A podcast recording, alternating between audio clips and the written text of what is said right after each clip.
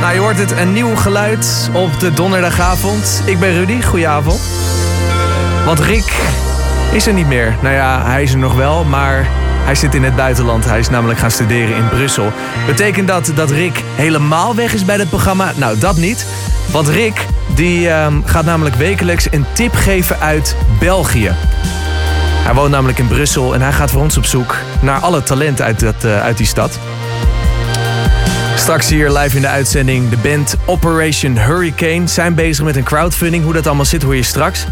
En heb je alvast een eh, vraag voor de band? Dan kan je die doorgeven via studio.haarlem105.nl. Dus studio.haarlem105.nl Aan mijn zijde van de productie Tim, welkom. Dankjewel, dankjewel. Ik dacht, eh, we moeten dit eh, programma, het nieuwe seizoen van Sound of Haarlem, even eh, ja, weet je, op een goede manier beginnen. Dus ik, ik pak even mijn tas erbij, Ja. want we moeten dit toch wel knallend beginnen. Oh, oh, Even, eh, je moet me even helpen. oh, eh, waar, eh, wat, eh, wat voor hulp heb je nodig dan? eh? Nou, ik dacht iets nieuws. En dan moeten we vieren met confetti! Ja! Oké, dus ik heb hier confetti. Ja, ik kon even niks creatievers bedenken. Dus ik zou zeggen, laten we maar even, eh, laten we even gaan. Wel tegelijk, toch? Ja, natuurlijk. Op een nieuw seizoen Sound of Haarlem met een nieuwe presentator.